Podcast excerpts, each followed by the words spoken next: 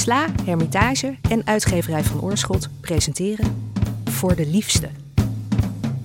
In deze podcast reageren vijf schrijvers op een liefdesverhaal uit de Russische literatuur, waarna ze in gesprek gaan met Ellen Dekvies.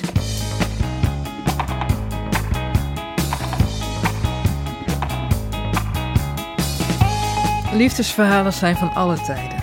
En in deze aflevering reageert Sophie Lakmaker op Eerste Liefde, de populaire novelle van Ivan Turgenev, verschenen in 1860, die draait om, hoe kan het ook anders, de eerste liefde. Maar van wie is de vraag? Het verhaal beschrijft de herinneringen van Vladimir Petrovich, die terugkijkt op hoe hij op zijn zestiende met zijn ouders de zomer doorbrengt op het platteland. Zijn moeder is al echt een matrone en haar tien jaar jongere echtgenoot, Vladimirs vader, is een knappe man in de kracht van zijn leven, een ster in het bedwingen en africhten van koppige paarden. Vladimir is tevreden met zijn bestaan en nog veel blijer met zichzelf en stelt aan het begin van de novelle trots dat niemand zijn vrijheid in de weg staat.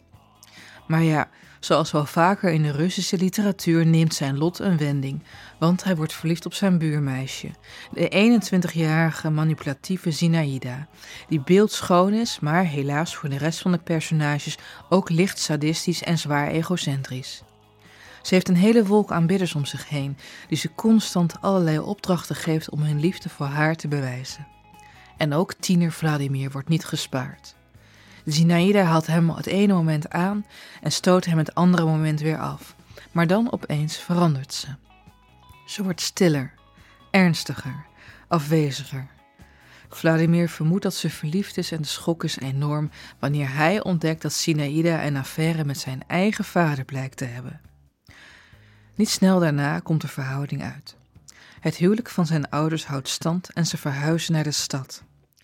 Vladimir denkt dat hij Zinaïda nooit meer zal zien, maar dan een hele tijd later ziet hij zijn vader en haar in de stad met elkaar afspreken.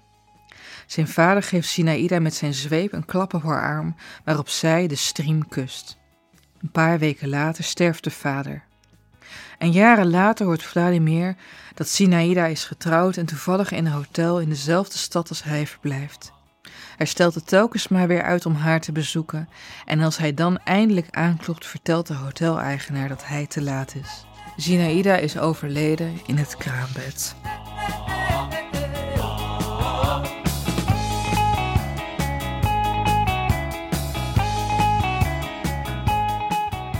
Je luistert naar de reactie van Sophie Lakmaker op Eerste Liefde van Turgenev. Mijn vieze Matthijs.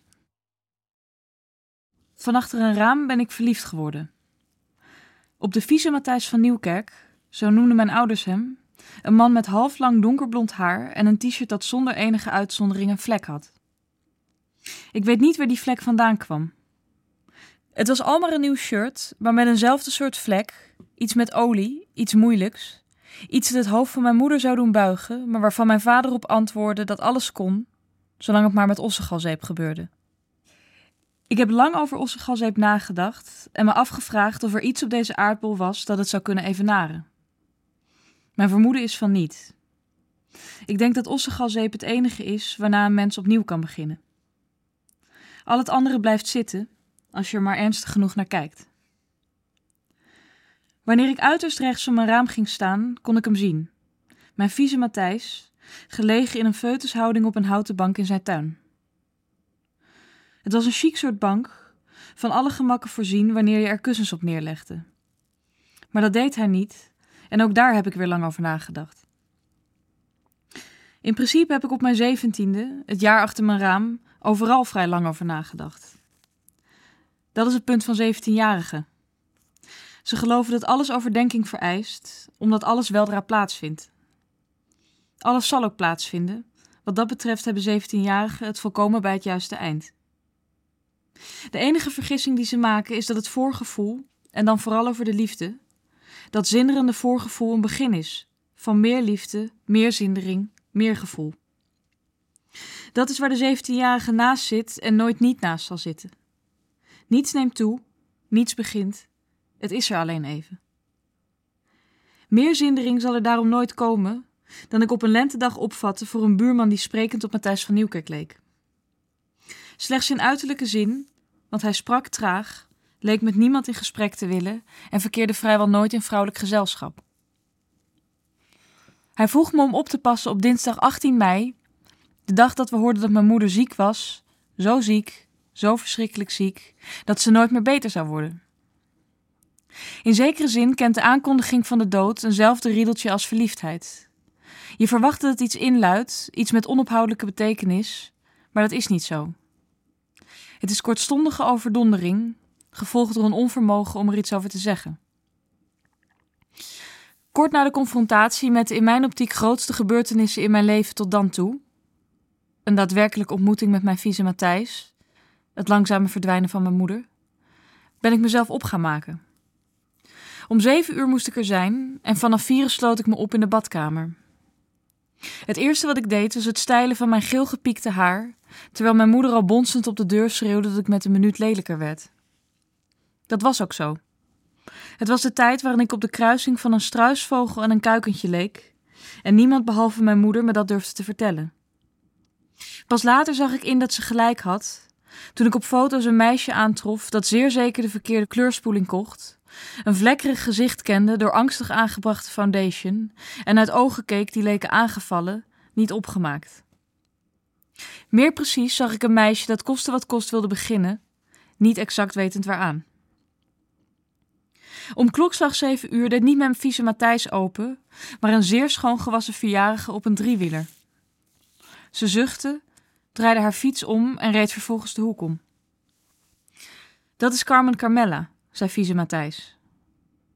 Hij vertelde dat hij naar een bruiloft ging en dat Carmen Carmella en ik het ongetwijfeld goed met elkaar konden vinden.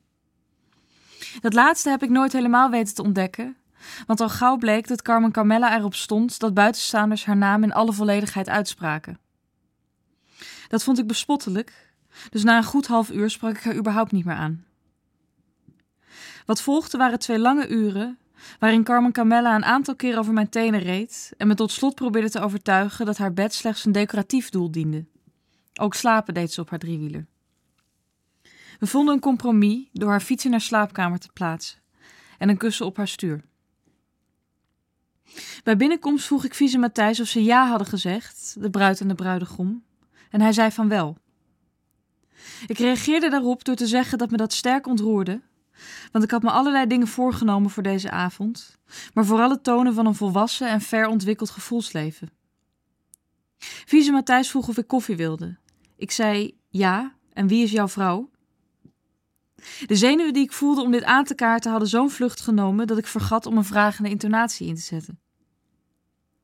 Vieze Matthijs gaf geen antwoord, waarna ik mezelf dacht te herpakken door op zeer melodieuze toon te vragen: Wie is de vrouw in kwestie?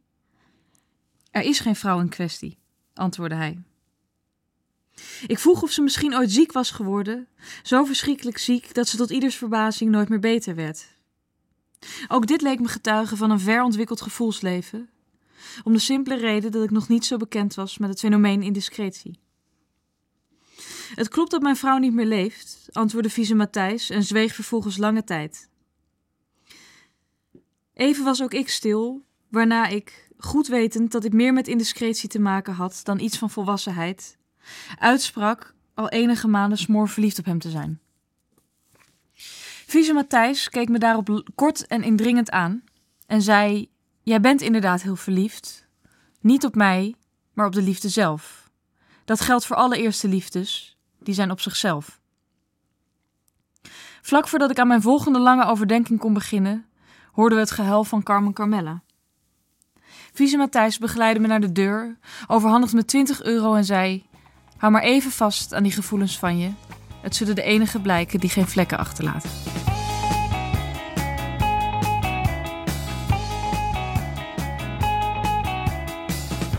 Sophie, welkom.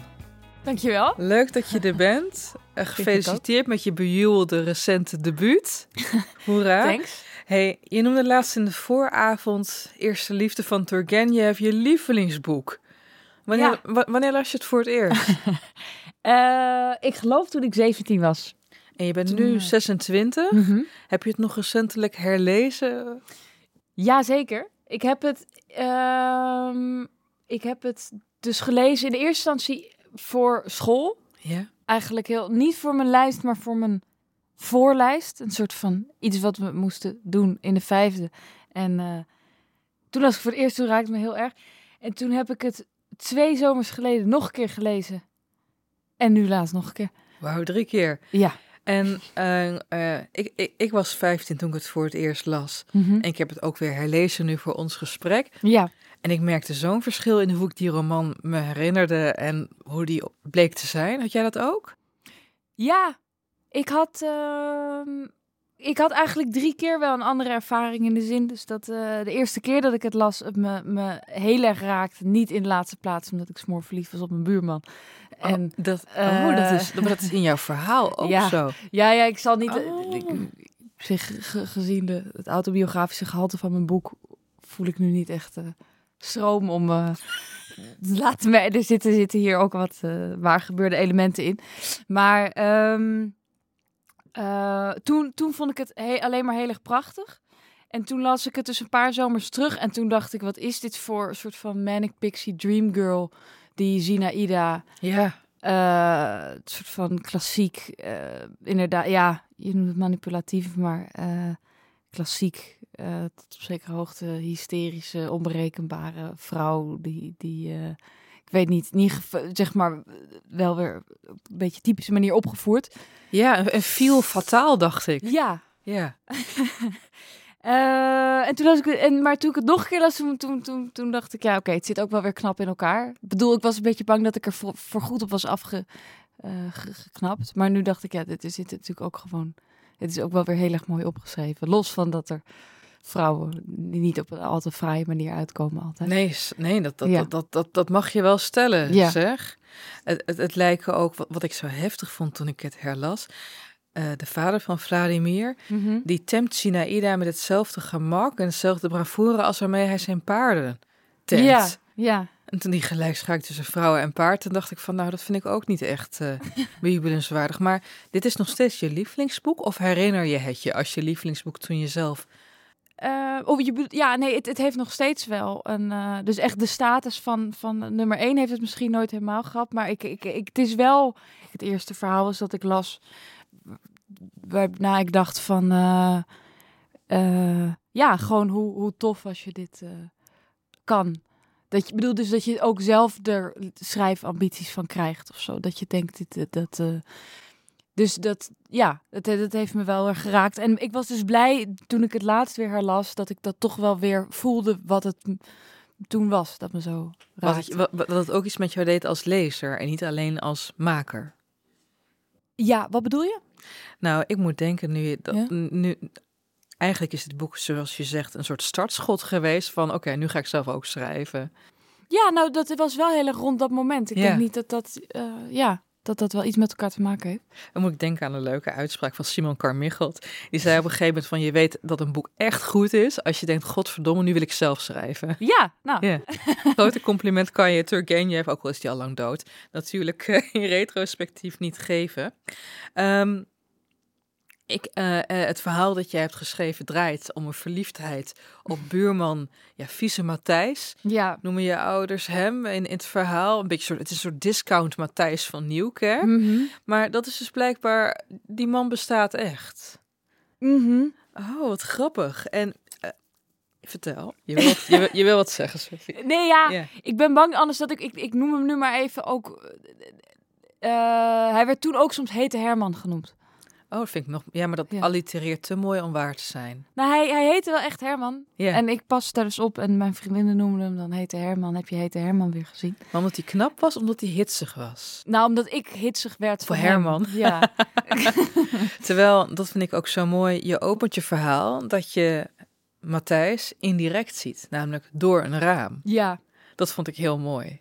Omdat het, het, je ziet hem niet echt. Mhm, mhm. Het is eigenlijk alleen maar een projectiescherm. Ja. Nou ja, goed, dat, dat, dat is natuurlijk ook eh, op zich treedt de jongen waar het in eerste liefde om gaat wel een iets directer contact met die Zinaïde. Maar tegelijkertijd blijft er natuurlijk ook wel, werpt zij zelf natuurlijk wel een soort schermen op. Dus dat, dat, eh, daar, daar herkende ik wel Ja? dingen in, denk ik ook toen de tijd toen ik het las van, eh, ja, gewoon bepaalde onbereikbaarheid. Dus dat. En ja. onaantastbaarheid. Mhm. Ja, Wat ik heel mooi vind aan jouw verhaal, het, eh, het eindigt met deze buurman die eigenlijk zegt van ja, dude, je bent niet verliefd op mij, maar op een idee van liefde. Mhm, mhm. Is dat, heeft hij dat ook echt gezegd? Nee, nee, nee. Nee? Oh, dat, dat vond ik heel mooi. Ik, moet, ik moest ook Ja. denken aan een gedicht van Rutger Kopland. Ja. Die, die, die dichtte ooit ergens, het verlangen naar een sigaret is eigenlijk het verlangen. Het gaat helemaal niet om die sigaret. Mhm. En dat gevoel had ik hier met liefde in dit verhaal van jou. Ja, ja. Ik kan me wel voor. Volgens mij heb ik dat gedicht ook ooit gelezen. Ja, ik. ik ehm, Nee, ja. Ik, ik geloof dat ik het van Spinvis heb gestolen. Dat eh, je hebt. Je hebt eh, die, die zei ooit: eh, als je voor het eerst verliefd bent, dan, dan ben je niet op iemand, maar op de liefde zelf. Is dit eigenlijk het eerste ronde werk wat je hebt gemaakt na, na je debuutroman? Ja, en een, Ah. een column voor de Linda Meiden. Oh ja, ja. dat doe je tegenwoordig ook, ja. Schud ik nog eh, net iets makkelijker uit mijn mouw. Waar ging die nou ook weer over? Nou, oh ja. Een, een, een meisje van het koor dat heel graag met een vrouw naar bed wilde en daarom om vier uur s'nachts voor mijn huis stond. Oh, jeetje, dat vind ik heel heftig. Ja, Want, want vond je haar wel leuk? Was het, wa- was het wat? Of was, het, wa- wa- wa- wa- was je gewoon een soort van gelegenheid? ehm, Ja. Ehm, vond ik haar wel leuk? Nee, ik vond haar, nou ja, nou, ik kan even eerlijk over vertellen. Doe maar, doe maar. Oké, nou, het, ik, eh, ik had een heel een knappe vriendin en die zei: Ik heb een knappe vriendin en die wil met jou naar bed. Maar in principe, dit was, nou ja, het was wel, dus was het wel een tijdje terug, dus toen ik me nog leende voor dit soort vreemde projecten. Ehm, maar ik dacht dus, nou ja, dat, dat viel dus om te beginnen tegen. Ik vond haar minder aantrekkelijk dan eh, verwacht. Eh, Verbeelding ja. won het weer eens van werkelijkheid. Ja. Ja. En toen belden ze dus bij me aan en in plaats van... Ja, toen werd ik dus gewoon heel zenuwachtig. Toen ben ik gewoon twee uur lang naar haar studie medicijnen gaan vragen. In plaats van dat ik als een soort... eh, ja, weet niet, Casanova. Casanova, assertief, vaag, mannelijk wezen haar begon te zoenen. Dus het was, het was eh, een aaneenschakeling van ongemak. Ook van haar kant. Ja, ja, ja, ze is ook... Om acht uur 's ochtends lag zo in bed. Ze is van, ik ga nu koffie drinken Helemaal met mijn moeder. Ja, Maar is, is, is het, ge- heeft Zijn het elkaar- plaatsgevonden? Ja. Ja, ik, ik ging ehm, naar de wc op een gegeven moment omdat ik gewoon echt niet meer wist. Mijn huis is in principe één ruimte met alleen een Ja. badkamer. Dus als je wil vluchten, dan moet je naar de badkamer. ja. Toen zat ik daar, toen kwam ik terug en toen lag ze, dus, lag ze in lingerie op mijn bed. Dus toen was het van, nou ja, oké. Ik vind het heel... Maar ik Het is een beetje naar, hè?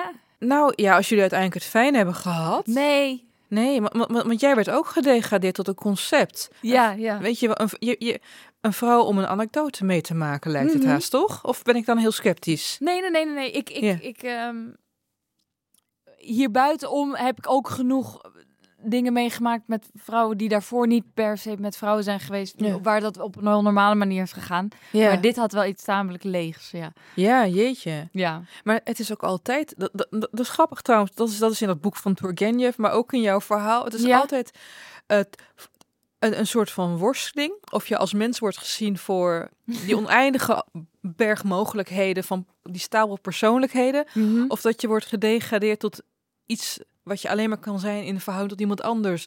Een, een zoon in, in het geval van Turgenev. Een potentieel liefdeslaafje in zijn verhouding met Sinaïda. Een, ja, een, een projectiescherm in het geval van Fietse Matthijs in je verhaal. En in dit Mhm. geval moest je even iemand inwijden in de damesliefde. Klopt. Met weinig verven, geloof ik. Weet je wat mij opvalt? Het valt mij zeker op het vlak van de liefde. Mhm. eh, maar trouwens ook in de schrijfwereld. Mhm. Valt het me op dat mensen zich heel snel gedragen naar wat de ander van hen verwacht. Mhm. Herken je dat? Nou, ja, maar dat is toch eh, gewoon. Of, of in.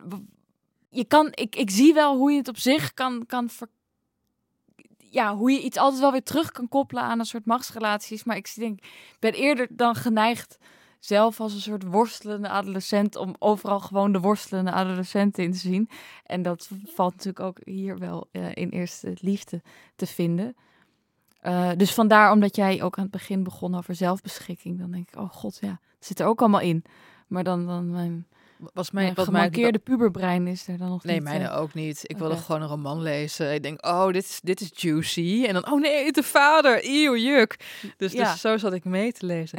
maar ik, weet je, ik pak een boek erbij. Kijk, toen ik dus zag dat jij dit boek had gekozen... Mhm. Toen ging ik me herinneren van welke scènes zijn mij bijgebleven uit deze roman, Ja. vlak voor ik het herlas. En ik, ik herinner me vooral een hele lange aaneenschakeling van scènes in de schemering. Ja. Dit boek speelt zich ook af voor Vladimir tussen de schemering van kindertijd naar eh, volwassenheid. Ja, ja. Maar, en dat vind ik zo mooi aan dit boek, het slot. Op een gegeven moment, en, en, en dat is hetzelfde wat mij, wat mij ook altijd weer ontroert als ik boeken van Salinger lees. Niet alleen Mhm. The Catcher in the Rye, maar Franny en Zoe. Dan staat namelijk ehm, dit. Ehm, o jeugd, je trekt je van niets wat aan. Alle schatten van het heelal schijnen in jouw bereik te liggen. Zelfs in verdriet schep jij genoegen. Maar inmiddels vlieden je dagen voorbij en verdwijnen spoorloos, de een na de ander. Alles van jou verdwijnt als sneeuw voor de zon, als was. Dan komt het. Mhm. En misschien bestaat het hele geheim van jouw bekoorlijkheid wel niet in de mogelijkheid alles te doen, maar in de mogelijkheid te denken dat je alles kunt. Ja, Dat zit zo volgens- klasse. Ja, dat is klasse, hè? Dat is klasse. Ik moet trouwens over die schemering Ja. eh, zeggen dat ik, ik heb normaal gesproken echt best een eh, scheidhekel aan, aan uiterlijke beschrijvingen. Maar dit is volgens mij het enige verhaal waarin ik het wel echt. Of dat hij zo die lente beschrijft Ja. en het warmer wordt en dat soort dingen. Dat, ik vind het in principe denk ik, ja, ik weet hoe gras eruit ziet. Ik weet in wel hoe het voelt als het 31 graden is. Skip the crap, maar cut the crap. Maar dat hier werkt het. Het is zo goed gedaan dat ik dat. Ja, Ik vind, weet je, wat, weet je wat ik ook heel knap vind aan hem? Eh, eh, Het zijn zijn details. Of als hij voor het eerst bij Sinaïda op bezoek komt, dan weet je als lezer al dat het een best wel arm adellijk gezin is die van Mhm. iedereen geld leent. En dan komt er een lakai voorbij en die draagt op een bordje een afgekloven haring. dat, dat, Ja. dat soort shit. Weet je waar ik ook aan moest denken toen ik dit verhaal las? Ken jij Call Me By Your Name? ja, ja, ja, ja, ja, ja, ja. Ja, ook zo'n zomer. Ja, hij heeft hetzelfde soort broeierigheid. Ja, voelt wel misschien ietsje ernstiger of zo. De liefde die in Call Me By Your Name plaatsvindt, dat dat nog iets... het is gelijkwaardig. Ja, Eh, ja. Dus ook beste luisteraar naar die prachtige film. Eh, volgens mij was, dat- was het de keuzefilm van Maxime Februari bij Zomergasten. Ik, ik ga ervan uit dat deze luisteraar ook allemaal Zomergasten fan is. Dat ze het misschien zo gezien hebben. Mm, Maar nu ben ik ook de luisteraar van deze podcast weer heel erg aan het framen. En sorry luisteraar, jullie mogen ook gewoon kijken naar Friends of eh, iets anders.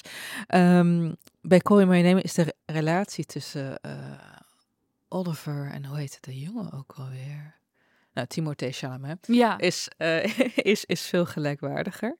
Ehm, wat ik zo leuk vind aan Call Me By Your Name, die roman is geschreven als een schaduwboek. Eh, de auteur van André Aziman, die was eigenlijk met een andere roman bezig. En opeens was hij in de uurtjes, als hij zichzelf vrij had gegund, begon hij een verhaal over deze twee jongens Oh, te schrijven. Doe je dat ook trouwens? ik kende de Eh, hele term schaduwboek niet. Ik Nee? dacht- Ja, ik ook niet tot ik deze roman las en er Ja. onderzoek naar ging doen. ja, Maar dat je met verhaal A bezig bent, maar toch stiekem in je hoofd ook een beetje met verhaal, alsof je vreemd gaat van je eigen verhaal. ja. Een literaire affaire.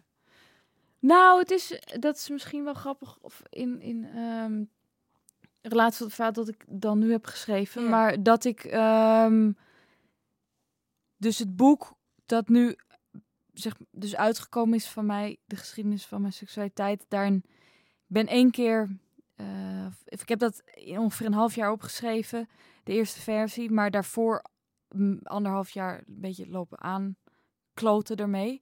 En één wat serieuzere poging gedaan. Of, of, of alles was een serieuze poging. Maar er was voordat ik zeg maar aan het dat wat uiteindelijk het boek zou worden begon. Één moment geweest dat ik dacht, oh, dit wordt het boek. Maar goed, dat werd het uiteindelijk niet. Maar toen was ik met, dat was één heel lang stuk dat gewoon, dat begon bij de middelbare school. Maar daarnaast schreef ik dus, en dat was nog niet helemaal duidelijk hoe dat zich dan weer verhield tot die, eh, of dat gewoon een ander hoofdstuk werd. Maar over deze buurman eh, ook een verhaal. Ehm, totdat Brechtje Hofstede, eh, volgens mij van ons alle twee wel een vriendin, Ja. eh, zei... ik weet niet wat ik hiermee kan of wat ik hiermee moet. Dus toen zonk de moed me een beetje in de schoenen. Maar voor mij klopt het allemaal heel logisch. Verhaal over een middelbare scholier en een verhaal over een meisje dat... Uh, Hitsige Herman. Ja, ja. ja. Uh, uh, op hete Herman viel. Ja. Maar... Um, dus ik, ik zou dat niet per se een schaduwverhaal noemen, maar ik, ik ken wel een beetje het fenomeen dat je... Wat leuk, maar deze twee zijn dus verbonden met elkaar. Het korte verhaal dat je voor uh, deze aflevering schreef en je debuutroman. Ja, dus zeg maar, de, de, de, dus het zit in een soort weggegooide versie van mijn debuutroman. Ja. Oh jee. maar, maar soms is wel weer weggooien hetgene wat ons uiteindelijk het dierbaarst is, toch? ja, ik denk gewoon dat mijn, mijn boek gaat uiteindelijk, uh, of, of de reden dat het denk ik niet het boek heeft gehaald en uh, andere dingen wel, is dat ik uh, wat je ook al eerder eventjes benoemde, dat het natuurlijk, dit is iets, er gebeurt eigenlijk niet zoveel. En alles wat er gebeurt, voltrekt zich vooral in mijn hoofd. Ja. En uh, de, de geschiedenis die ik dan in het boek heb opgeschreven zijn, ja, ik ben er dus de, de afgelopen twee jaar dan achtergekomen hoeveel makkelijker het is om ook al uh, bijvoorbeeld dan dat koormeisje, waar ik één vage nacht mee heb doorgebracht, zoveel makkelijker is om daar iets over op te schrijven. Uh, dan iemand die misschien wel jarenlang een heel dominante rol in je gevoelsleven speelde. Maar uh, zolang er geen gebeurtenissen aan gekoppeld zijn, is het wel verdomd moeilijk, vind ik, om er iets over op papier te zetten. Ja, want het is een sluier in plaats van een actiepunt. Ja, maar goed, dat vind ik dus wel ook heel knap aan dit verhaal. Dat het wel soms er gebeurt natuurlijk uiteindelijk ook, zit er wel best een spannend plot in. Yeah. Maar dat het ook momenten heeft waarop het gewoon heel lang doorgaat over wat voor weer het is. En dat dat ook... Uh, boeit. Boeit, ja. ja. Maar goed, dus wat uiteindelijk mijn boek uh, heeft gehaald... zijn meer die, die, die, die actiepunten en de mensen met wie er daadwerkelijk iets plaatsvond. Maar uh, die hebben eigenlijk vaak minder indruk achtergelaten dan sommige buurmannen in mijn uh, leven. ja. Dankjewel voor dit mooie gesprek. Heel graag gedaan.